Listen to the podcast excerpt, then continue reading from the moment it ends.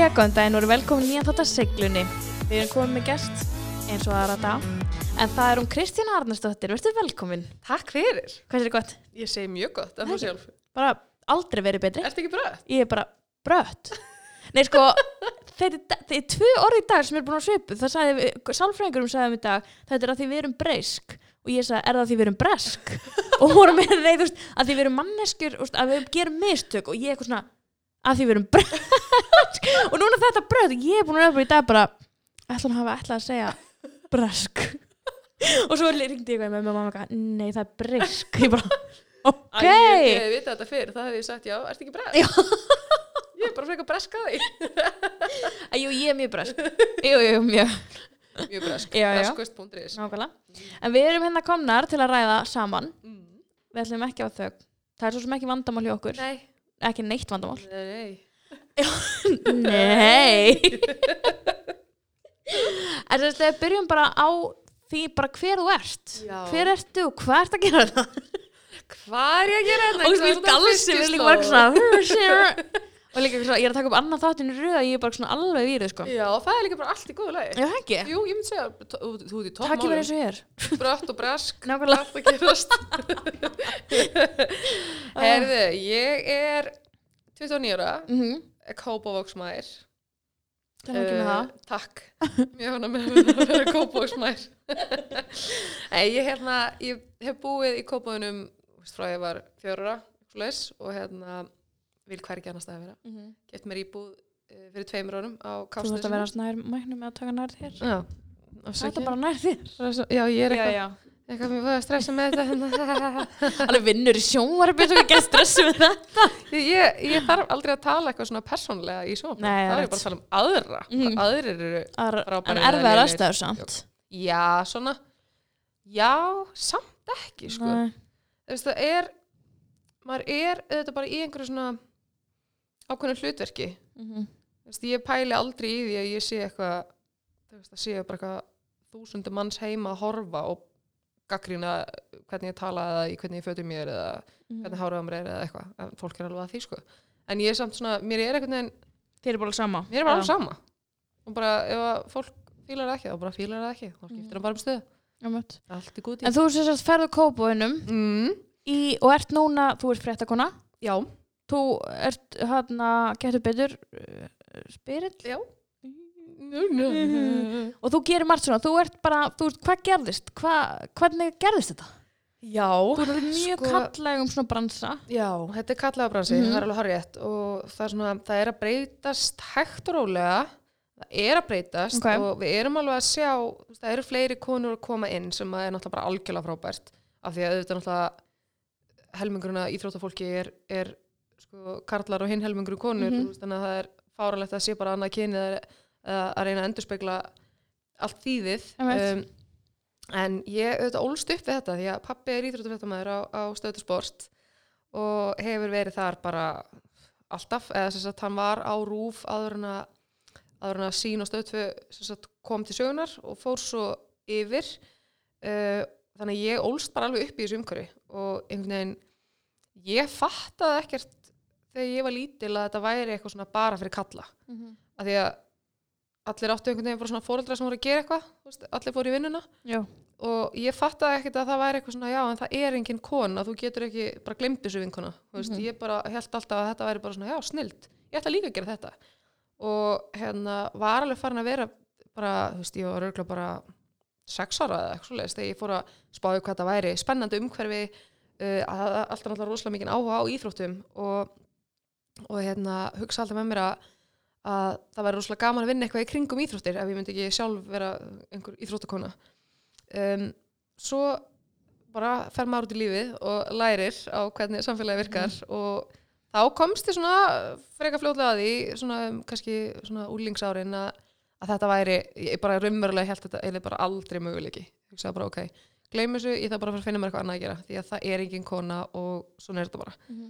Um, það svo hérna, já, svo einhvern veginn bara ég fer í, í mentaskóla það, fer ég svo að læri mannfræði háskólanum og bý í Danmörku smá stund og kem svo heim og fyrir að vinna í landsbankanum eitt sumar og mér var stálega hræðilega leðilegt, ég var að vinna bara í þjónustöðurinu og ég bara, guð, ég get ekki svona 9-5 þetta er ekki fyrir mig, fannst þetta ekki gefandi gaf mér ekki neitt. Prófaði eitt sumar sem flugfröðu hjá Æsland er og upplifði svona svolítið svipa þar fannst þetta ekki vera fyrir mig og var svona að velta þessu fyrir mér hvað, hvað ég vildi raun og verið gera. Já. Svo hérna, ég vann á tímbili hjá fréttablaðinu í sagt uh, hérna lífinu aftasta kaplanum Mhm. þá var maður auðvitað bara svolítið að skrifa um bara svona fólk og, og hérna og Hollywood og eitthvað svona alls konar. Uh, það var ég, þá fann ég að mér fannst alveg gaman að skrifa. Og mér gaman að skrifa fréttir og lesa fréttir og svona grúska þess í þessu.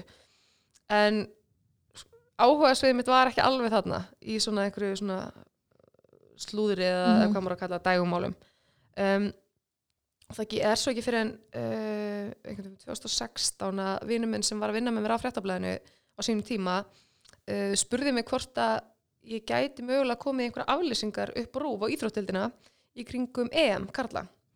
Og þá var ég auðvitað bara í fullri vinni á Æslandir og var að fljúa og hérna allt það. En mér fannst þetta einhvern veginn svona þarna fann ég einhvern smá glugga, einhverja smá refu sem ég hugsaði bara ok, ef ég stekki ekki á þetta núna þá var ekkert víst að þetta komi aftur Mhm. og ég var heldur ekki alveg viss um að ég hefði svona götsi í það að þú veist einhvern veginn bara svona mæta svæðið með CV sko og vera bara hæ, ég hef geðið upp mikið áhuga, mér langar að vinna Já. Þú veist, ég held bara að það hleyið að mér og bara þú getur bara að fara heim til þín, verður sæl Mhm. um, þannig að þarna var komið smá glöfu og ég fyrir inn þangað og vinn hérna svona já, svona netvaktir og mér fannst þetta bara skemmtilegasta sem ég hef gert bara þó ég hef verið að vinna bara ógislega langa vinnudag eða snendir og kannski koma úr erfið flugi eða eitthvað en þá var ég mætt upp á rúf og var kannski að vinna bara til 11 og þannig að ég var kannski búin að vera vakandi frá kljóðan 5 til að fara í, þú veist, græða mig fyrir hérna, flug og svo bara alveg til 11 um kvöldi og mér fannst það bara geggja gaman.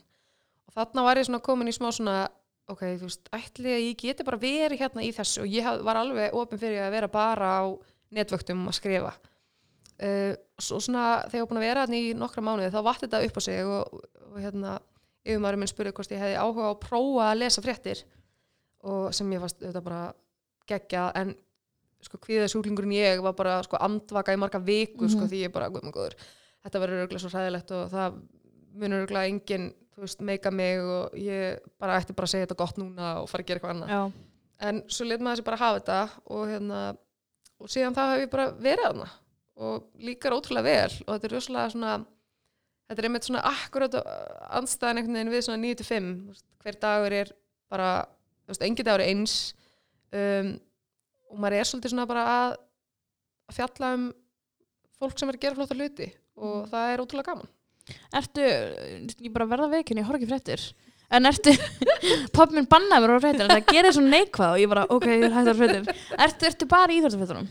Já, ég er bara í þrjóttafréttunum á RÚF núna Mhm. og svo þetta getur betur sem er bara svona annað hlutverk innan RÚF en, en einmitt, ég sko af því ég tala um að ég hefði verið í dagumólunum og því, þá var ég sko ég tók stundum fréttavaktir svona í almennum fréttum og ég hef bara rosalega lítinn áhuga á Mhm. almennum fréttum, þannig laga séð ég fylgist auðvitað alveg með svona heimsmálum og því sem er að gerast Já. og, og því, veist, því sem gerist innan heima svona, en ég fer ekki inn á fréttamæluna og smetla á alla fréttir um svona venjuleg dagstaglega Já. mál ég bara, ég hef bara ekki áhuga á því Mhm. um, þannig að mér fannst hérna, ótrúlega gaman að geta farið inn í íþróttirnar og það kom alveg dagar þar sem ég bara veist, um daginn til dæmis það var búið að vera eitthvað Brexit umræða í sko ég veit ekki hversu margar vikur og Mhm. ég var bara býtu ef verið að ræða Brexit þá bara einhvern veginn nægja að loka algjörlega á það sem ég hef ekki áhuga á og ég get bara glemt mér í sko Wikipedia síðum um einhverja landsliskonu í fótbolta sem hætti fyrir 15 árum og ligg bara og skoða bara, já, hún er að gera þetta í dag og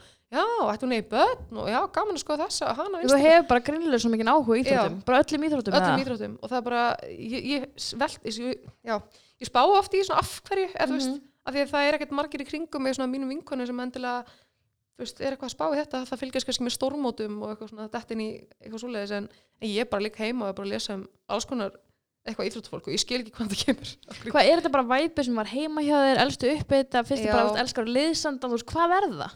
Ég, þetta, þetta er mjög, hérna, nú þarf ég að grafa djúft, sko. farið í barnæskuna Ég var að leita aftur í ræturnar. Nei, jú, klálega, ég er náttúrulega elst upp við þetta og pappi, sko, ég var sjálf alltaf í fótbolta og spilaði fótbolta í 20 ár um, og pappi var, sko, oft að því ég var, þá var ég náttúrulega bara 6-7 ára í, í boltanum. Og pappi sko var kannski að fylgjast með fótboltanum, hann horfði alltaf á þetta. Já. og þá var hann alltaf svona að segja mig til svona sjáðu, sjáðu hvað þessi hleypur sjáðu hvað hann er að gera þarna. Og þegar þessi hleypur þarna upp þá er hann að bjóða sig frían til að fá sendinguna hér og lalala. Þannig að þú veist, ég kom með svona einhvern leikskilning mjög snemma. Um, og svo bara var þetta alltaf þetta var alltaf í gangi, þú veist, mamma bara man ekki eftir jólum nema að það hafa bara verið enski boltin og, og sko jóladagannan í jólum þú veist, þetta var alltaf svona þannig að ég þekkti bara einhvern veginn ekkert annað Þannig þú tengir kannski íþróttir svolítið mikið við samband við fóruldreina já, ég, og svona tengsl þarna sem að þið áttu eitthvað sammeilegt Já. og þið svona váfla djúpt. já, já, a- absolutt já, já, sálfræðingurum minn Já, já, já, já, hvað er og þannig að þú ert svona, þegar þú sér þarna að þú getur átt inn við fóruldreina með Mhm. íþróttum. já, Að ég held að það sé alltaf eitthvað sem að börn reyna að eiga- eiga sammeilegt með fóruldri sinum algjörlega. og fullorðna svo verða litlar útgáður af þeim bara svona og stækka og stækka. En hvað finnst þér, úst, núna ferðu bara inn í úst, heim sem eru bara kaðar. mm. upplifur aldrei þú veist, og þú tekur við getur betur í svolítið svona leðilegum aðstæðum kannski það ekki? Já, og svona leðinda máli og svona eins og bara all, allir landsmenn vita og ekki því er ekkert að fela sig á bak við það. Emitt, en þú bara tekur við af honum byrjunum bara í leðilu þú veist, já. En finnst þér ekki veist, fannst þér ekki leiðilegt að taka við í þessu jú, ég ég get alveg sagt það Mhm. þetta voru þetta ekki sko, alls engar kjör aðstæður að Nei. vera í um, þetta var auðvitað mjög hérna, skammur undirbúningstími um, þetta gerist í uh, svona november Mhm. uh, að við minnir í fyrra og hérna já það þurfti alltaf að gerast rosalega hratt og ég hafði stuttan tímum til að ákveða mig og, og svona alls konar um, og líka af því að þegar þetta einhvern veginn kemur út þá voru svo margir að leita eftir viðbröðum frá mér Mhm. um þetta mál og þetta varðaði, þetta varðaði mig enga veginn, ég bara er næsti spyrill og, mm veist, og mér fannst erfitt að vera kannski sett í þá stöðu að þurfa að svara fyrir eitthvað ofinbæla Mhm. þannig að ég bara gerði það ekki og bara var mjög skýr á því að ég vil ekki tjá mig um þetta mál, það er ekki mitt að tjá mig um Mhm. Eh, þannig að það var, jú, það var svolítið svona þetta var svolítið svona, já, svona skrítin tími raun og að það- var mjög mikið fjölmæla að fara kringum þetta Mhm. og ég meina ef að, ef að sko þetta hefði bara verið eitthvað eðlileg skipti á spyrli, ég meina þetta hefði aldrei fengið svona mikla þetta var, ekki, þetta var svo mikið Einmitt. og þá líka einmitt á sama tíma var ég sko var ég pínu stress sem ég var að fara að ofgera mér aðeins Já. af því að það er náttúrulega rosalega mikið þú veist, eins, eins mikið á mest aðeinsliti í vinnunni og er bara skemmtilegast að vinna sem ég hef unnið í á íþróttildinni þá er þetta rosalega mikið og maður er að vinna mikið á kvöldin og mikið um helgar. Þetta er mjög svona ófjölskylduvænt Mhm. í rauninni uh, og svo kom hitt ofan á og ég var svona smá í upphafi ás núna bara er ég bara in over my head, veist, er ég að gera mikið. Svo náðist þetta, þetta, þetta vannst ákveðlega saman uh, við náðum að púsla vöktunum mínum svona í kringum þessa föstu daga, það er alltaf mest föstu dagar Já. þannig að það svona að bjargaðist en ég hef oft hugsað mér bara ah, ok, það er ekki aðeins að fara að slaka á. Kullin í starfi. Kulnun í starfi kulnun. En þegar þú ferð inn í það getur betur dæmi, ertu þá ekkert svona eitthvað, þú veist bara, þú veist, það kemur allt rosa mikið út af það að vera kona, bara í þessu, þú veist, Mhm. og við erum að tala um bara að þú ferð úr þessu, þessu, bara, þetta er, er glata dæmi sem að gerist þarna og þú veist, er, ég er ekkert viss um að ef að það hefði annars strákur tekið við að hann hefði endilega verið krafist þess að vera með einhverja skoðun og eitthvað svona, mál sem Mhm. kemur bókstala ekki neitt við einmitt, og einmitt bara næsta mannskja ráðan í starfið Mhm. og svo ertu líka í íþróttafrættildinni sem er líka svona oft kannski umtalað að þessi kona Já. íþróttunum og hvernig upplifur það og svistir aldrei meðal svona meðal jafningið þinn í vinnunni Mm. upplifur þá einhver svona kynjaskiptingu eða er Sko- kannski erfitt að segja til um það Já, ég er að vísu, ég held að ég sé mjög heppin með samstagsfólk. Mhm. Það, er- það er rosa, hérna, það er rosa mikill svona jafnbritsandi, allavega upplifu ég svona frá, frá mínu samstagsfólki. Hins vegar, þetta er pínu skrítið að vera í starfi þar sem að sko kynið manns er einhvern veginn alltaf í forgrunni. mm -hmm.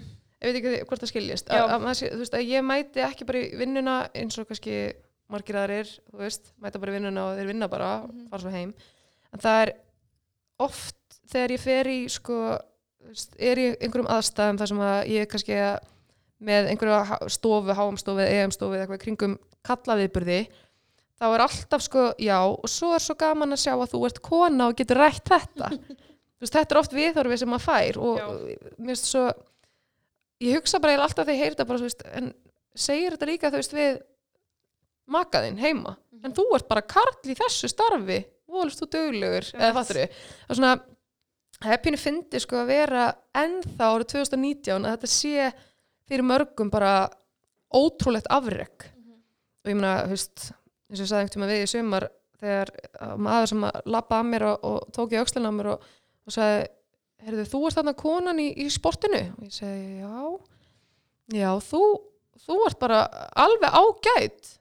Og ég bara svona að, veist, væri að stoppa bara einhvern, veist, venju, ef ég væri í venjulegum fréttum ef ég væri bara í almennu fréttum Mhm. væri einhver að stoppa mig og segja já þú, þetta er alveg ágætt sem þú ert að gera. Og svona, Sagði hann ekki líka með að við að vera jú, kona? jú, já, ég glemdi því já, Já. miðað við að vera kona, já. Það gerir ágætt með að við að vera kona. Já, já, já, já, ég glemdi því, já. Já, alveg svona neglan í sögur já, Jesus, já, einmitt. Já, það var einmitt Já, með að við að vera Með að kona að og verður að standa ágætlega já, svona. já. Þetta er náttúrulega bara, þetta er alveg, þetta er svolítið pyrrandi já, Ég segi það ekki, þetta er svona, þetta pyrra mann þetta, pyr, þetta pyrra mann Já. þetta getur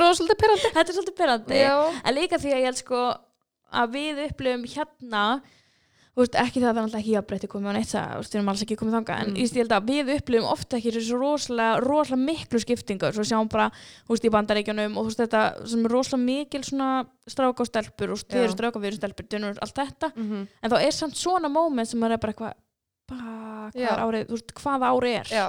Að því maður hjælt svona, maður veit alveg að þessi kynnslóð og þú veist, þeim, þau hugsa þetta Mhm. en maður hjælt svona að þau væru hægt að segja þetta. Já, það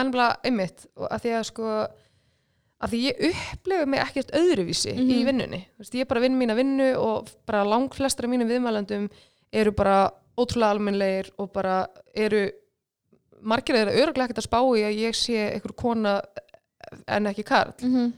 en það er eiginlega meira svona fólki sem stendur utan við þennan íþróttaheim sem er eitthvað svona, já, og konan hún getur alveg líka sagt fréttir Mhm. og það, er svona, það, það finnst mér pínu skrítið en þá en, en ég held veist, þetta er að breytast þetta er alveg klálega að breytast og Já, með fólki eins og þér í svona störfum að breytist þetta? Ég maður vona það. Já, ég meina börna alast upp að sjá þig í sjónvarpinu og bara ég get þetta líka. Já, og ég meina, þú veist, ég hef verið að tala við sex ára batt sem að bara, þú veist, ég ætla að vera hann uh, flugmaður og ég Já. bara, og það segir stelpa, ég ætla að vera flugmaður og hann bara, þú getur ekki verið flugmaður, þú er kona bara, algjörlega þú bara, þú bara stelpa og bara, ég bara, nei, nei, nei, nei, nei, nei, nei, nei, hérna, setjast neður þið getur öll verið flugfólk.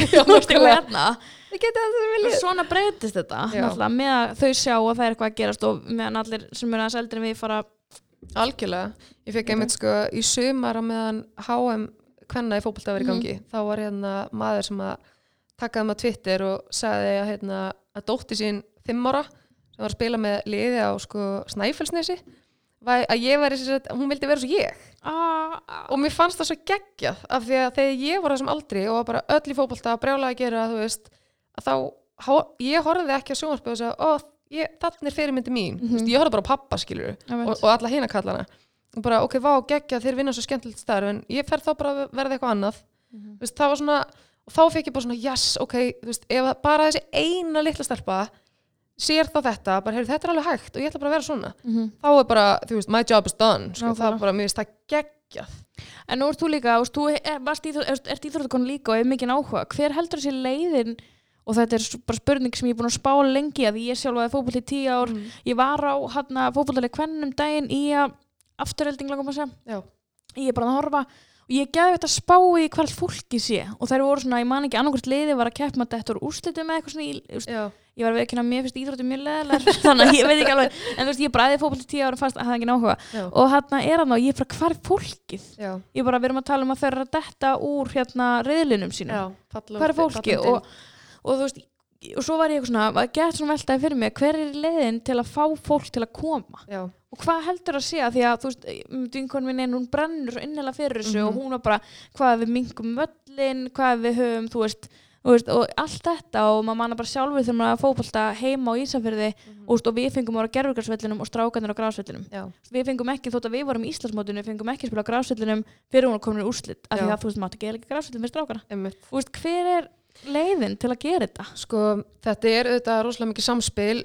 Sko, þetta er náttúrulega fyrst og fremst er þetta bara markaslegt um, og við sáum þetta til dæmis bara ótrúlega vel í sumar með HM að þetta var þetta HM þetta svona markaði ákveðin kaplaskil í hvernafólta því að sko það sem að var svo magna við þetta er að það búið að vera svona ákveðin bylgja í gangi með þú veist svona alveg bara víða um heim og sérstaklega kannski Evrópu með svona með kvennaknarsbundu og við erum búin að sjá að þær eru að fara í alls konar kjara baróttu við sín knarsbundu sambönd uh, til að segja bara við, viljum, við erum ekki tilbúin að, að hérna, spila þessi leiki nema við fáum bara sömu kjör og kallanir og þetta er bara, þetta gerist í Danmörku, þetta gerist í Nóri, Svíþjóð þurfti ekki að gerast svo drastist, drastist á Íslandi því að KSI var raun og veru bara búið að jafna þessi kjör og, og hérna, sem var bara frábært. Um, þannig að þegar HM fór á staði sumar það var haldið í Fraklandi að það voru frakkarnir búin að setja ofbáslega mikið púður í að halda frábært mót. Og, og þá sko sámaður, það var fullt á flesta vellina, veist, bara og sérstaklega veist komin í svona áttalega úslit það var bara uppselt á vellina. Og, og við vorum hann úti, við skiptum með okkur ég og Edda sér fórum sem sagt báðar til Fraklands í svona tarnir og bara þegar ég kom út á völlin í áttalega úslitum þegar Frakland og Bandaríkin voru að spila og ég stóð á grasinu og var að byggja eftir að koma í, í beina innkomu og það var ég heyrði ekki í, ég heyrði alltaf í sko, hljóðmannum heima á Íslandi. Ég heyrði ekki myndatökumannum mínum því það var svo mikið stemning á vellinum og ég var svo meir af því að þetta er bara það sem að ég þegar ég var lítil þá hugsaði ég ég ætla að spila landslegin ég ætla að komast að veist, það var markmiðið mitt. Og mér fannst bara svo magnað að sjá að við getum veist, þetta er svo auðvitað hægt. Þetta snýst bara um þú veist og svo náttúrulega voru rosalega margir á mótinu sem segja bara heyrðu þetta mótu bara miklu skemmtilegur en að horfa kallana það, er bara, það eru miklu harðar af sér það eru miklu nettari, veist, það bara gefast ekkert upp, það bara keira sér algjörlega í þrótt bara, og alveg bara til að leikurinn flautar af. Og, og þá er mitt sko og, og margir hérna heima þetta, og það sem að mér varst líka frábært hjá Rúf að gera, við síndum alla leikin í beinni útsendingu, bara allir leikirnum voru aðgengilegir, 52 leikir. Og fólk sem aldrei hafði hort á kvennafólta horfðu bara á megnið af mótinu. Og bara eftir móti var fólk að koma bara, oh, ég vildi að vera fleiri leikir á veist, ég vildi að HM var ekki búið þetta var svo geggja skemmtilegt. Einmitt. og þá var maður bara, herðu, nú erum við komin eitthvað áleiðis með þetta. Þannig að þetta sjáum við bara, veist, þetta er bara náttúrulega markaslegt í grunninn, þú veist, að það er bara búa til umgjörðina svo þurfa náttúrulega fjölmiðlar að vera vakandi og pikka þetta upp og, og sína, því að það gerist auðvitað ekkert ef þetta er ekki sýnilegt. Þannig að mér fannst sko geggja að, að sjá bara að venjulegasta fólk sem að horfir alla jafna ekkert á íþróttir datt bara inn í heilu leikina bara að háa mig sumar og bara er ennþá að koma og segja bara, heyrðu, þetta var bara geggja hjá okkur, bara þetta var þetta flott. Og þá fæ ég svona, oh yes, af því nú erum við komin bara, nú er hérna, standardin og svo hár, nú getum við ekki farið tilbaka. Það er ekki hægt að segja núna háa með fjögur ár, er bara sína valda leiki, það er bara ekki bóði við Mhm. aldrei gera það við kallamót, aldrei nokkuð tíman þannig að þú veist, núna einmitt, þá bara, heyrðu, núna er staðan bara svona, við sýnum alla leikina. Við gefum þessu jafn mikið vægi. Við erum auðvitað ríki stöð þannig að við reynum að sína, þú veist, jafnt frá öllu. Og mér finnst ótrúlega gaman að vera að upplifa þetta samlega vinnunni af því ég kannski á ekki eftir að sjá þetta fyrir en eftir nokkur ár svona út, sko, utanfrá af því ég er svo mikið inn í þessu núna. En mér finnst bara geggja þú veist að að vera að fylgjast með þetta er náttúrulega bara stelpur sem að ég var að spila með fótbolta alltaf, veist, þessu í hérna, íslenska landsliðinu og fara með þeim til Lettlands og að horfa þær í síðasta landsliðsverkefni. Veist, þetta eru bara vinkonum mínar, ég er bara að spjalla við þær bara eins og á kaffehúsi, sko. Og, og ég bara sé, það er svo mikil það svo mikil bylgja í gangi þannig að eftir tíu ár þá munum við hlæja að því hvernig það var fyrir 15 árum. Mhm. þú veist, bara hvað voru að spá? Okkur voru ekki allir leikindi syngdir okkur var ekki einhver fréttamiðl á öllum leikjum kvennalandslisins eða bara öllum leikjum í kvenna fótbolta þannig ég held að veist, þetta færist svo bara niður. Núna þetta er HM, svo erum við komin í íslenska landsliði, svo erum við komin í úrvalstild kvenna svo fer þetta bara niður á því sko. Þetta verður bara stærra og stærra. bara að maður sér að því að þú veist, við erum búin að sjá að strákandi geta þetta Mhm. og við getum þetta. Og þá er farið að setja líka bara meiri pressur og stelpur, það er ekki bara í þessu til Já. að vera, þú veist, það er mega alveg vilja að Já. sækjast að verða bestar. Og þú algjörlega veist, og það er eitthvað sem að býr til sigurvera Já, og þú veist, þess að ég tala mikið um að hann þetta er svo flókið því að þú veist, auðvitað viljum við líka bara að séu krakkar og hafa gaman að þessu og, mhm, og þú veist, ég held sér rosalega mikill miskilingur það þurfa allir að fara á HM algjörlega. En þú veist, ég held að eina leiðin til að vera stíga jafnfættis er að stelpuna fá sömu gæði í þjálfun, Já. sömu gæði dómara. Og ég er þarna ég er ásum, stelp, ég er ásum kvennaleg hérna með frændum mínum. Mhm. og þeir eru um að tala um það að dómgæslan sé eiginlega bara til skammar, Já. þeir eru bara þessi dómgæsli skammar, ég bara ef ég væri að keppa á vellinum að ég myndi labba út. Og og ég og ég bara svona, nákvæm erum við að leifa því að komast Mhm. upp með það að það sé dómgæsla sem heitir skammar á svona leik? Já, og og ég held sé allt þetta sem þarf bara svona að gera jæmt þótt að kási getið sagt bara um mjög blöðin og allt þetta Mhm. þá er þetta í gr- grunninn kannski ekki jæmt Nei, og þetta er sko alveg samanlegaður því að þetta er, hefur alveg verið svona gegnum gangandi vandamál Mhm. uh, en það er líka veist, vandamálið raun og veru í grunninn er bara það veist, að það þarf oft á tíðum sjálfbúðaliða til að sinna Já. þessu uh, af því að við erum bara ekki með nóg marga dómara af því að fótbolta náttúrulega er langvinnsalasta íþrótt landsins og það þarf að manna sko tugi leikja bara daglega yfir sumarið. Uh, og þá raðast það stundum þannig að bestu dómararnir fara á kallaleikina og, og, og kannski svona lakari dómarar á, á kvennaleikina. Það er hins vegar, ég held að sé sko ég held að KSI sé mjög vakandi fyrir þessu og er að reyna að, að, hérna, að gera öllum bara jamt til höfuðs og allt það sko en, en þetta þarf bara, það þarf meira þú veist, að eins mikið að við viljum fá frá bara hérna, fótboltamenn og konur að þá þurfum við líka að fá fleiri dómara. Við þurfum að fá frá, sko, frábæra dómara til þess að sinna þessu öllu. Því að það er, þetta er bara samspil svo margra þátta. Þannig að ég, ég held að þetta sé líka alltaf uppleið sko. en svo kemur líka bara svo sjáum á hérna um, heimsmyndstarmótinu að Megan Rapinoe mm -hmm. náttúrulega kemur hann og er bara að tala hana svaka róka gikkur og bara Mhm. þú veist, þessi kona, bara hérna og allt þetta en við sjáum aftur á móti fótboltamenn gera þetta hverji, veist, þeir fagnar svona þeir láta svona, þú veist, og þetta er náttúrulega bara segir og svo margt Mhm. um leið og það kemur ykkur konur til fólk veit hver er, veist, ég ég horfi, horfi, ekki á þetta Nei. að einhverju viti bara, mér finnst það bara leðilegt það er alltaf að segja. ég, ég er ekki að fara að lappa hérna út sko, þetta er allt í guð annars á ég haldtíma upptöku þannig að- og ég hérna, en ég veit samt hver hún er og ég var alltaf bara vákon nett eitthvað, hún er svo Mhm. geggju og eitthvað þetta.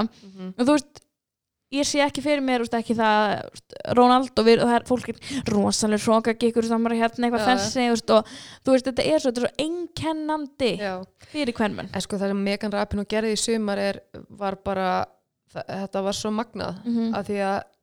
hún er sko hún er að adressa mál sko sem að eins og bandrækjumenn hafa bara viljandi svona ignorað. Hún er að tala um LGBTQ hérna, samfélagið Mhm. uh, alveg bara hægri vinstri. Hún er alltaf að impra á þessum málumnum bara við erum ekki að gera nóg mikið fyrir hérna, veist, þá sem eru hins einn bara það þarf að laga þetta. Og hún er líka að tala um það þarf að hérna, bæta umgjörna fyrir kvennaboltan það þarf að hérna, fara í bara svona alls konar mál sem hún er bara svona já, þú veist, hún var til dæmis á FIFA-velunum, hún var alveg best þá bara tók hún fyrir sko bara þú veist, að það sé kynþáttahattur í fótboltanum er gjörsanlega fráleitt og bara það, þú veist, FIFA þarf að stiga upp og FIFA, þú veist, og það hlustuði allir á hana af því hún bara steg fram og hún var bara svona bara einhvern veginn svona hvað kalla maður hún, hún var bara einhvern veginn háum mm -hmm. hún, Mhm. bara, hún tók þetta bara Algjörlega. alla leið og, og sjá hana bara þú veist koma fyrir, hún er svo ofbáslega vel að máli farin hún er sko náttúrulega bara glæsileg kona, þú veist, hún er bara svo ótrúlega flottur fulltrúi kvennafótboltans. Mhm.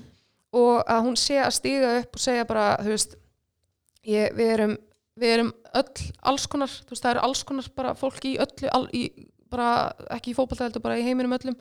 Og við erum ekki að hérna, koma rétt fram með allt þetta fólk. Og hún bara fór bara fram á það bara nú þarf bara að stiga inn í þetta og bara laga þetta og svo eru fleiri, ég meina karakterar, svo Marta hérna, sem er bara einn besta fótboltakona heims í brasilíska landsliðinu sem að sagði líka bara hérna, hún, að að hún er orðin 33 hún sagði, þú veist, fór í viðtal þegar Brasilía var dott út úr, úr leikahá og sagði eftir fjögur ár þá verða kannski ekki karakterar eins og þú veist, Marta tala um sig í þrjupersonu eða Rapino eða fleiri sko. við þurfum að gera betur fyrir þá sem að eru að stíga upp veist, það þarf að vera betra umhverfi fyrir það, eins og Marta sjálf var að segja skilur, það er ekki sko, hún er búin að vera í þessi miljón ár og hún, veginn, það er fyrst núna sem að þau eru að fá einhvers konar, að það eru að fá einhvers konar recognition fyrir það sem allt sem eru búin að vera að gera. Þú veist, hún er búin að vera best ógæslega lengi en það eru mjög margir sem veit ekkert hvað hún er. En það vita allir hvað Messi og Ronaldo eru veist.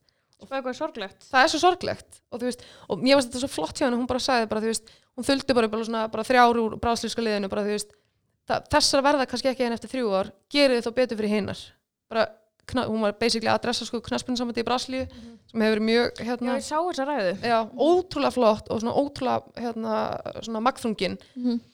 og það er svo mikilvægt að hafa þessa karaktera eins sem við horfum bara á íslenska landsliði veist, við erum með karaktera, veist, all, allur hópurinn þetta eru svo flottar stelpur og þetta eru svo flottar fyrirmyndir og það er algjör synd að þær fá einhvern veginn ekki meira þú veist, hvað maður að segja svona eh, eins og til dæmis talaði við eina þar úti sem sagði bara við fáum enga það er engin sem vil styrkja okkur. Við fáum enga styrki af því við erum ekki með nómarga fylgjendur á samfélagsmiðlum. Mhm. af því núna er þetta bara heimur áhrifalda Einmitt. og, veist, og þær, þær þú veist, okkar helstu fyrirmyndir eru að berjast við það að fá kannski mögulega gefins veist, frá einhverjum styrtaræðal á Íslandi skilur af því þær eru ekki með nómarga fylgjendur.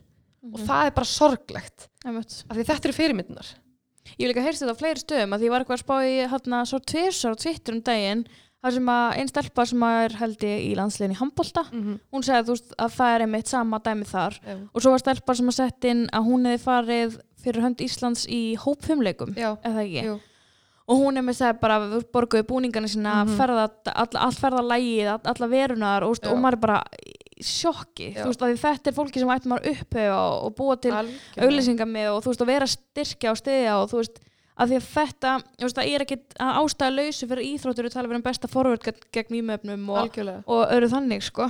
Þannig að maður svona, einmitt, þú veist ég, ég brá svo mikið þegar hún var að tala við mig úti því að sko ég gerði mig bara ekki grein fyrir því að því ég, fyrir mér er þetta bara þú veist, vá ég var svo mikið til í að vera eins og hún eða þú veist, vá ég var svo mikið til í að vera í landsliðin og vera Já. svona góði fólkta og þetta er svo geggjað og eitthvað svona, en svo á móti þá bara, veist, það er alveg sama við fáum ekki neitt, veist, það er bara og það er verið að reyna að berjast fyrir að, að fólk mæta á völlin og, og það er að reyna, þú veist margar náttúrulega bara í námi eða í fulli vinnu samhliða og gefa sig alla í allt sko mm. og þetta náttúrulega gengur þvert á allar íþróttur í Íslandi af, mínum mati Já. Að bara það er ennþá við eigum svolítið svona, ég veit ekki, við megum horfa öðrum augum á þetta fólk okkar. Mm -hmm. við, við eigum að einmitt, upphefið það miklu frekar. Við eigum að gefa það meira pláss í, í alls konar og, og bara og fyrirtækjaðan úti, þú veist, eiga að gera meira til þess að búa til stjörnur. Þegar við höfum alveg, þú veist, við höfum allt þetta fólk sem við geta, geta verið okkar Megan Rapino eða, eða Messi eða Ronaldo eða allt slíkt. Og það á að gera meira. Mm. Sammála því. En hvað, þú veist sérðu fyrir að vera í þessum heimi? Þú veist, þetta er bara eitthvað sem þú greinilega Mhm. hefur mjög mikið áhuga og þrýst í og, og þú veist, heldur að ef að þú hefðir ekki hætt í fótballtæður, þetta heldur að það hefur verið draumurðin, þú veist hefur alltaf séð fyrir þér svona einhver íþrótt og framtíð Já, ég einhvern veginn gæti ekki segið fyrir mig bara lífið að það væri ekki einhverjir, íþróttir í því. Og ég meina, þú veist, kærasti minn er kilvingur og, hérna, og við einhvern veginn bara, eina sem við gerum er bara að horfa á íþróttir og tala um íþróttir og vera í íþróttum og bara eitthvað svona, sko. Og þú veist, ég held að það segja svolítið mikið bara um mig að ég hef örgulega aldrei geta fundið með maka sem að væri ekki einhvern veginn íþróttasinnar hjá mitt. Við getum ekki verið par, bara því miður. Já, ég hann að fór hann Nei, hérna, þú veist, ég er svona einhvern veginn þetta, þetta hefur bara alltaf verið ótrúlega stór partur af mér og, og ég er svona, já og bara einhvern veginn alveg sama þó ég verð ekki í íþróttafréttum þá held ég ég mun alltaf vinna eitthvað í kringum íþróttir hvaða, á hvaða vettfangi sem það verður svo en hérna, eins og staðinu núna er ég bara í þessu og finnst það ótrúlega gaman en þú veist, ég útiloka ekkert annað í framtíðinni mér langar, þú veist, langar að sækja mér, mér mentun í, ég verið að skoða satt nám sem að heitir sports management okay. það er svona, þú veist, svolítið svona í svona markas hérna, svona áttina Mhm. og bara raun og veru hvernig á að hérna, hvernig á að stýra liði eða liðum eða klúpum Mm. og, og hvað hérna, hvað, hvað þarf að horfa til og svona alls konar sem er mjög áhugavert og mér finnst ótrúlega spennandi öðru fólki finnst þetta bara ógeðaslega boring bara hvað meinar hún, bara sports management farið bara í viðskiptafræði eitthvað en svona, já, mér finnst þetta ótrúlega áhugavert og hefur alveg verið að skoða það og hérna, þannig að þú veist ég sæ alveg fyrir mér einhvern tímann á lífslegin að fara bara að vinna fyrir einhver félög um, og, og ég meina minn helsti draumur er náttúrulega bara að vinna meira fyrir sko einhver kvennalandslið eða konur og, og upphefja þær meira. Og því ég sé bara svo mikla möguleika þarna. Ég sé bara svo ofbúslega mikið veist, eins og við erum að tala um, um fótboltan og við horfum bara á England til dæmis. Þegar við líkur uppgangur í kvennafótboltanum þar þær voru að sko þær að spila vináttuleik eftir einu og hálfa viku sko vináttuleik við sko Þískaland og það búið að seljast upp á Wembley sem tekur 90.000 manns. Nei, það er uppselt á vináttuleik í Englandi þar sem kvennalandslega er að fara að spila við Þýskaland. Og það er bara svona herrið, þú veist, þetta hefði aldrei gæst fyrir ári síðan. Þetta bara, það, það sprakk allt út bara þessu ári. Og enska kvennalandslega er að fá sko, ég meina þær eru út um allt og þær eru hetjurnar. Og það finnst mér að við getum þar getum við gert betur við getum gert meiri hetjur úr þeim hetjum sem við þegar eigum. Og þeir eiga bara það skilið. Alveg sama, ég meina, veist, á hvaða grein þú horfir, ég meina, við erum með fullta til dæmis konum í, í hvenna fótboltanum, handboltanum, körfuboltanum sem eru mömmur. Og þær eru bara í, veist, sko. það er bara geggjað. Og, og það, þú veist, að geta verið á hæsta leveli í þenni íþrótt sint fjölskyldinni og verið í vinnu eða námi, þú veist þetta er, þetta er fólkið, sko. Sammála því. En hvað veldur þið að þú hættir í fótboltanum? Ég heila bara meittist illa það er heila bara það, sko og hérna, Þú ætlaði þér ekki að hætta? Nei, sko, ég vísu, ég var, ég valdi að breyðabliki þegar ég var lítil og hérna, og alveg upp í annan flokk og var geggja og þá náttúrulega voru við, veist, ég var með Söru Björk og Fandísi og, og Berglindi Björk og þeim sem eru í landsliðin í dag og hérna, ótrúlega gaman og geggjaði tími og svo fer ég í, í Versló og hérna ákvaða að prófa svona þetta félagslíf. Glimti mér aðeins í því kannski, fór að gera svolítið mikið og var með svona svolítið marga bolt á lofti. Hérna, þannig að það er svona hvernaðist aðeins eh, svona, einhvern veginn fór aðeins að missa á hann. Svo byrjaði ég aftur uh, svona bara um, rétt eftir útskrift. Og hérna þá var ég meira svona til að vera bara í svo svona for the fun, sko. Að þá var ég komin í svona bumbubolta væpið hérna sem bara reyndar var ekki bumbubolti því við vorum mjög metnaða fullan þjálfara sem ætlaði bara að koma okkur á ég held að hann ætlaði að koma okkur á HM HM félagslega og hérna að það var ótrúlega gaman en svo, svo meðist ég bara og þá ákvæði bara að segja þetta gott það var ágætt að að, hérna, allavega ég sleit ekki grósbönd en eitt slíkt sem, að, sem er fínt í dag. Einmitt. En hvað, þú veist, ég held að þess að sé að neglingur er bara þvílíkur spur, lífsspurningum við náði. en líka bara, þú veist, að því að, eitthvað vákvað ég er eitthvað bóða orðin, við erum ekki að hugsa um stóra spurningar, ég bara, geða frá undirbúta. já, En hvað líka bara, þú veist, er ekki, þú veist, er ekki neitt sem stoppar þig? Finnst þér aldrei, þú veist, ert aldrei bara eitthvað, þetta er bara svo erfitt. Af því þú veist, maður veit alveg dæmi er að ég byrja á útvarpinu og ég segi við Egil bara, veist, ég bara byrja með nefan og loftinu, ég bara, það er enga konur í útvarpinu, það er enga konur á áttunni og er bara, bara hérna. Og hann er eitthvað, herri, róa sig, Já. það er ekki konur af því við viljum ekki hafa þær, það er því það sæk ekki um já, það er ekki ein kona sótt um síðan að þú komst þetta inn með nefn já, og þú veist hann bara, já, selt, nelt og sestu niður, byrja að taka upp, skilur já. þú veist, er, hefur aldrei komið svo moment og þegar það kemur, hvað gerur Þetta, kemur, þetta moment kemur örugglega svona fimm sinni við viku. Já, bara án allskrýns uh, þetta er sko veist, eins mikið eins og ég er búin að segja þetta er mjög skemmtileg vinna á Mhm. það en þú veist, stundum verður þetta ótrúlega yfirþyrmandi. Og þú veist, þetta eru langir dagar langar vaktir um, og svo koma stundum dagar sem að veist, það er kannski ekkert í, almennilega ekkert í gangi. Mm og maður setur bara og er að reyna að hugsa bara hvernig ósköpunum get ég fyllt hennar tíma í kvöld? Ég þarf að vera með tíu mínútur efni og ég er núna með efni upp á fjóra mínútur. Mhm. og þá þarf maður bara svona að fara að leita svolítið bara ok, er einhver á landinu, get ég tekið viðtal við einhvern, er eitthvað að gerast? Og þá maður svolítið svona að reyna að finna fréttir. Um, það er rosalega vond að lenda á þenni dögum þegar það gerist. Og af því að maður hefur ekkert alltaf, alltaf langa tíma fréttina byrja bara alltaf á sama tíma.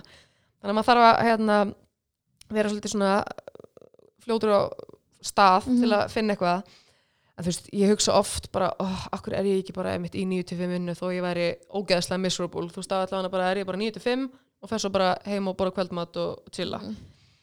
en samt sem aður þá, þá það gefur mér enga ánæg, ég veit bara þú veist, ég hef prófað það, það var bara mér fannst það ógeðslega leðilegt þannig ég, ég veit alveg ég þrýfst vel í þessu umhverfi en ég þarf alveg stundum bara að þú veist gýra mig að fara fram úr mótana og bara ok, koma svo þú veist, því ég er alveg bara kvíða sjúklingur í grunninn og tek bara mín lifi því og þú veist, funkar það bara þannig ef ég myndi ekki vera kvíðalöfum þá væri ég bara inn á einhverju stofnun sko. Sem- ég bara, þú veist, er bara, þetta er eina leiðin Mhm. því að þú veist, þetta er líka ekki þannig sko, þannig vinnu að þú getur liftir að vera bara eitthvað svona af hálfum hug. Oft dag eða eitthvað já, þannig þú veist, er og er það ekki. líka bara pressa lífsþíns að vera bara, veist, að því að þekkja báðar, þú veist, á- á kvelum og Mhm. vera, maður á bara mjög sveiflu kenda daga oft. Finnst þér ekkert erfitt að standast alltaf upp hann að því að ég ofta í vinnunni þá svona bara knúsa börnin mig og Já. þá er það bara, þú veist, Já. búið en þú veist, þú ert náttúrulega bara fyrir framann alla bara, Já. og þú veist, við erum að tala um að það er þótt að ég gera það persónulega ekki, þá er rosalega mikið af fólki sem horfður fréttina, bara Já, já. alltaf já, já. bara fréttinar á 1, svo fréttinar á stöðu 2 eða eitthvað svona, Mhm, já, já. þú veist, finnst þér, er aldrei í- hugsunin að þú sérst ekki up to par Jú, Yfirþyrmandi. jú, bara mjög oft að þú veist, þá einhvern veginn bara reynir maður að hérna, setja á sig einhvern, einhvern front og, og bara kl- þú veist, klára vaktina já, um, en þú veist, það, það kom alveg oft upp svona mómenta sem ég bara, oh, ég væri alveg til í að vera bara núna í tveggja veikna bara að gera ekkert mm -hmm. þú veist, ekki, em- einmitt ekki eitthvað svona, og ég svo til í að vera að fara í einhverja reysu meira bara svona, ég væri alveg til í að vera heima og bara horfa Netflix í þrjáta og gera ekki neitt mm -hmm. og þú veist, vaktafrí mín fara oft í það þú veist, mjög margir sem í, er í vaktafrí mér er bara eitthvað á kaffúsum og stúsa, gera og græja og eitthvað svona, ég er yfirleitt bara heima og ligg bara algjörlega dauð, sko Mhm. Og það er svona, mér stæla svona eina, eini svona down faktorum við þetta, veist, stundum það er maður að keira sig áfram á 120% í svolítið langan tíma þá verður einhvern veginn fallið svo mikið þegar maður fær loksins breykið, sko. Þá getur maður ekki staðið upp maður liggur bara alveg killiflatur en þú veist, ég eins og segi ég, þú veist, ég maður setur bara einhvern veginn á sig einhvern front og reynir bara að hérna, að push through, þannig að kom alltaf vaktafrín sem að maður getur þú reynd að hlaða batterín mm -hmm. en þú veist, ég og segi, ég, ég veit ekki hversu lengi ég mun endast í þessu því að þetta er þetta ekki sko, þetta er ekki fjölskylduvænt nei, og við erum náttúrulega, erum balleis og allt það en við erum svona alveg með hugmyndur um að, að hérna, að jafnvel flytja ellendis um, að að því hann er auðvitað í golfinu og, ég held að það væri bara svolítið kærkomi fyrir okkur bæði já, að, hérna, að prófa okkur nýtt. í smá stund þó að sé, þú veist, ég mun aldrei slíta mig alveg frá þessu en, en svona það væri held ég bara gott upp á bara sálartetrið að Einmitt. hérna, hlaða batterín fór í gegnum tvö, hérna, tvö nám samlega 100% vinnu og ég stundum, þú veist, bara, er ég 29 ára, er ég 59 ára? Bara hvað, tilbúin að fara eftirlun já, bara hvenær eru eftirlaunni mín, er það ekki bara morgun eða eitthvað? Þetta er líka, þú veist það er rosa mikil innblástu sem fylgir og ég man þegar ég var að senda þér ég var smá stressuð, en svo ég bara eitthvað svona að senda ég ætla að senda henni, já. Ég er eitthvað svona, það, þú ert mjög mikil innblástur fyrir mjög mikið af konum samátt að mér langi ekki neitt að gera sem hún gerir þá er mjög mikil innblástur sem fylgir því að geta verið bara að standa og tala fyrir fram aðra og, og finnst þér ekkert vera finnst þér ekkert erfitt að vera svona að því ég finn alveg að það er alveg trubla mig að vera svona í svona auksin að fólk veit hver maður er. Já, finnst þér ekkert erfitt? Og líka því að fólki sem að veit hver þú ert Já. er líka þetta fullarna fólk sem kemur bara og segir þú ert ágætt með við konu. Já. Þú veist, finnst þér ekkert svona Sko, jú. Uh, Mér finnst ógislega óþægilegt að vera að, það er líka sko að því ég upplifi mig ekki hannig ég upplifi mig ekki sem þú veist, ég er bara að labba einhverstaðar og ég er bara Kristjana út að labba þú Já, ég tengi þetta mitt. Já, ég bara upplifi mig ekki neitt öðruvísi en neitt annan. Mhm. og, og þá finnst mér þá finnst mér það óþægilegt og pínu svona skrítið ef einhver veður upp á mér og segir eitthvað þá er ég bara svona, guð, já, og þá kannski fatt ég bara guð, já, ég kannski glemt að greiða mér. Er ég óksla astnaleg, Mhm. bara, ó, er ég ómálu, ég veit það ekki. Og þú veist, svona fatta stundum ekki að þú veist, það er fólk er bara spá í Já, alls konar, bara akkur er hún í þessum skóm? Akkur er hún svona, bara vá hún virka miklu, þú veist, flottar í sjónvarpinu eða, skilur við og ég, veginn, mér finnst það að mér finnst þetta grunnum bara óþægilegt, eða þú veist, ég væri til að þetta myndi ekkert fylgja Já. ég hef oft sagt sko, ég væri ótrúlega til að vinna við það sem ég er að gera þú veist, en ég væri til í að það væri bara ekki á skjánum, einhvern veginn. Þetta er útvarp. Það heitir útvarp, já, ég ætla ekki að færa ég ætla að færa mig þangað. Já, því ég sko, ég, hérna það er raun og veru, það var í draumurinn sko. Mhm. en þú veist, en íþróttafréttinar eins og þær eru í dag, þetta er þetta veist, fyrir mér er þetta skemmtilegt að þetta er sjónrænt Já. og ég sit sjálfur að klippa fréttinar og, og búa Já, til ok. hérna, já, við erum að því sko líka þannig að ég sit og skrifa fréttina, textan svo fer ég inn og klippi stað og klippi fréttinar þannig ég er raun og veru að búa til allt efni sjálf What? Ég held þú myndir mæta og segja bara Góðan daginn Nei, Næsta dag skrifa fókviti byttu fyrir þér maður What? Er, sko, það er, og það getur verið svolítið pressa sko, ef að leikir eru að klárast bara eitthvað klukkan sjö og ég á fyrir loftið, þú veist, 1925 og maður er bara drrr á miljón það er að Nei. klippa og jú, jú, jú. þannig að maður hefur oft komið sveittur inn í stúdíó og bara, bara hérna. Ég held þið verið svona celebs bara nei, nei, Takk. Fyrir- eins og í elska mig bytt, sko, blessu vertu þetta er bara, What? þetta er harkan sex. Það er enginn sem er að bói sig að klippa frétt. Það er enginn sem það. Sko, fréttastofan að vísu er með fréttaklippara. Mm. þeir eru með svoleiðis. Vi, við erum ekki með svoleiðis. En mér finnst ótrúlega gaman af því að þú veist, fyrst var ég af því að sko, ég man bara þegar ég var að ræða þetta á pappa, þú veist, þeir eru með fréttaklippara í sportinu hjá sér. Og við erum ekki með svo leiðis og ég bara því lík sko ósangirni, hvað rugglar þetta og eitthvað svona svo þegar maður lærir á, af því að mér varst sko forröðið sjúklega flókið, klippiforröðið sko og ég ætlaði aldrei að skilja hvernig það virkaði. Svo maður að læra það, þá finnst mér ótrúlega gaman að kunna gera þetta. Já, eins og bara, þú veist, við vorum að gæsa vinkunum mín í sumar og ég klifti heilt gæsuna vídeo og bara kortir á bara vídeo sem tekið um bara síma minn. Og ég var bara eitthvað heima stússi í þessu og hérna, í sama forröðu og noti vinninni og finnst ótrúlega gaman að geta bara, herri, ég get bara búið þetta til bara eins og okkur kvikmynd að gera maður Mér finnst það Nákvæmlega.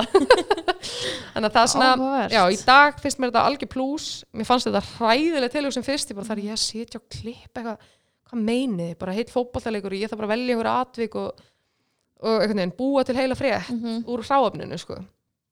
en, að, en þetta er bara skóli eins og allt annað Já, mitt. Geggjað. Já, Ég held að sé bara Gæði þetta enda á því. Er? Jú, þú ert geggjur sko. Er mjög stúkja ekki Jöp. Takk fyrir þetta Nei, ég bara, þú veitir mér ótrúlega mikið innblástur og þú ert að gera svo flott og, og eins og ég segi maður, þú veist, það er svona sem hlutinni breytast, það er, fór, úst, maður getur endlan spurt sig, hvernig getur gert meira við kvennafótboltan, hvernig getur gert, úst, það er bara að mæta völlin, að mæta völlin Mhm. með börnin sín, að Mhm. fara og vera og kveikja fréttunum þegar það er verið að sína konu að fjalla um eitthvað og, þú veist, og þetta, bara sína þetta stanslösa jafnvægi og, Mhm. og þú veist, hafa út af þetta í gangi sem eru konur að tala og allt þetta, þetta er það sem svona breytum við þessu. Þú veist, það er, er endalast að vera með kröfugöngur og allt þetta en ef við sínum ekki gjörður í verkið þá gerist ekki neitt. Og líka bara þú veist að konur trúi því í alvörunni að geti bara gert Einmitt. allt sem það vil. Eða, þú veist, ég veit að 2019 við erum búin að segja þetta miljónsunum og konur viti þetta alveg en þú Mhm. veist, það þarf bara stundum að segja bara, heyrðu, þú veist, þú getur þetta bara víst. Eins og þú ert hérna núna með þátt. Nákvæmlega og þú sagðist bara, heyrðu, fjandinn, ég ætla bara að koma að gera bara fucking podcast. Mm tók mig tvö ár. Ég meina, þú veist, en þú ert hérna núna. Mhm. og það er fullt af fullt af fullt af konum sem líti upp til henni og hugsa bara, vá, mér langar líka að gera podcast. Og það er fullt af konum sem er að gera podcast sem er bara algjörsnild mm þannig að maður er núna svona þú veist, það, það, er svo, það er svo auðvelt að breyta þessu. Það er svo auðvelt að fá fleiri konur inn -hmm. af því að sko, ég veit ekki. Það er ekkert limit.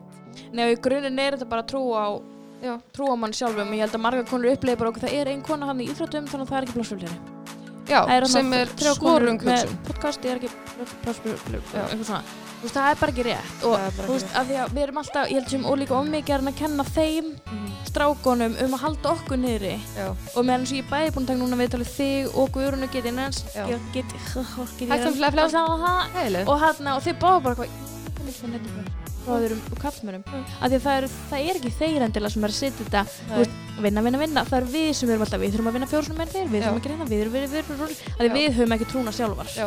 og það er, það er ofta ekki þeir sem er að halda okkur nýri sko, það er oft við sjálfar. Það er nefnilega mjög satt og mjög rétt. Og fyrir sem við veist, hver og ein okkar átt að segja á því. Því náttúrulega mun betra. Það er líka bara, veist, þá breytist til að vera fyrir meiri umblásstri þá ertu á Instagram. Ég er á Instagram, þú heitir á Instagram.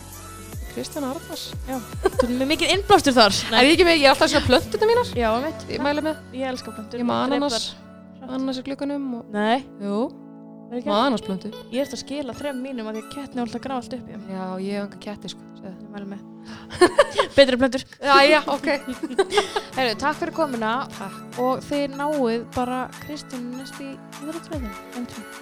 Ég ætla bara að horfa á íþróttsveitin núna. ég held það Bara fyrir þig. takk fyrir sjáumst næst.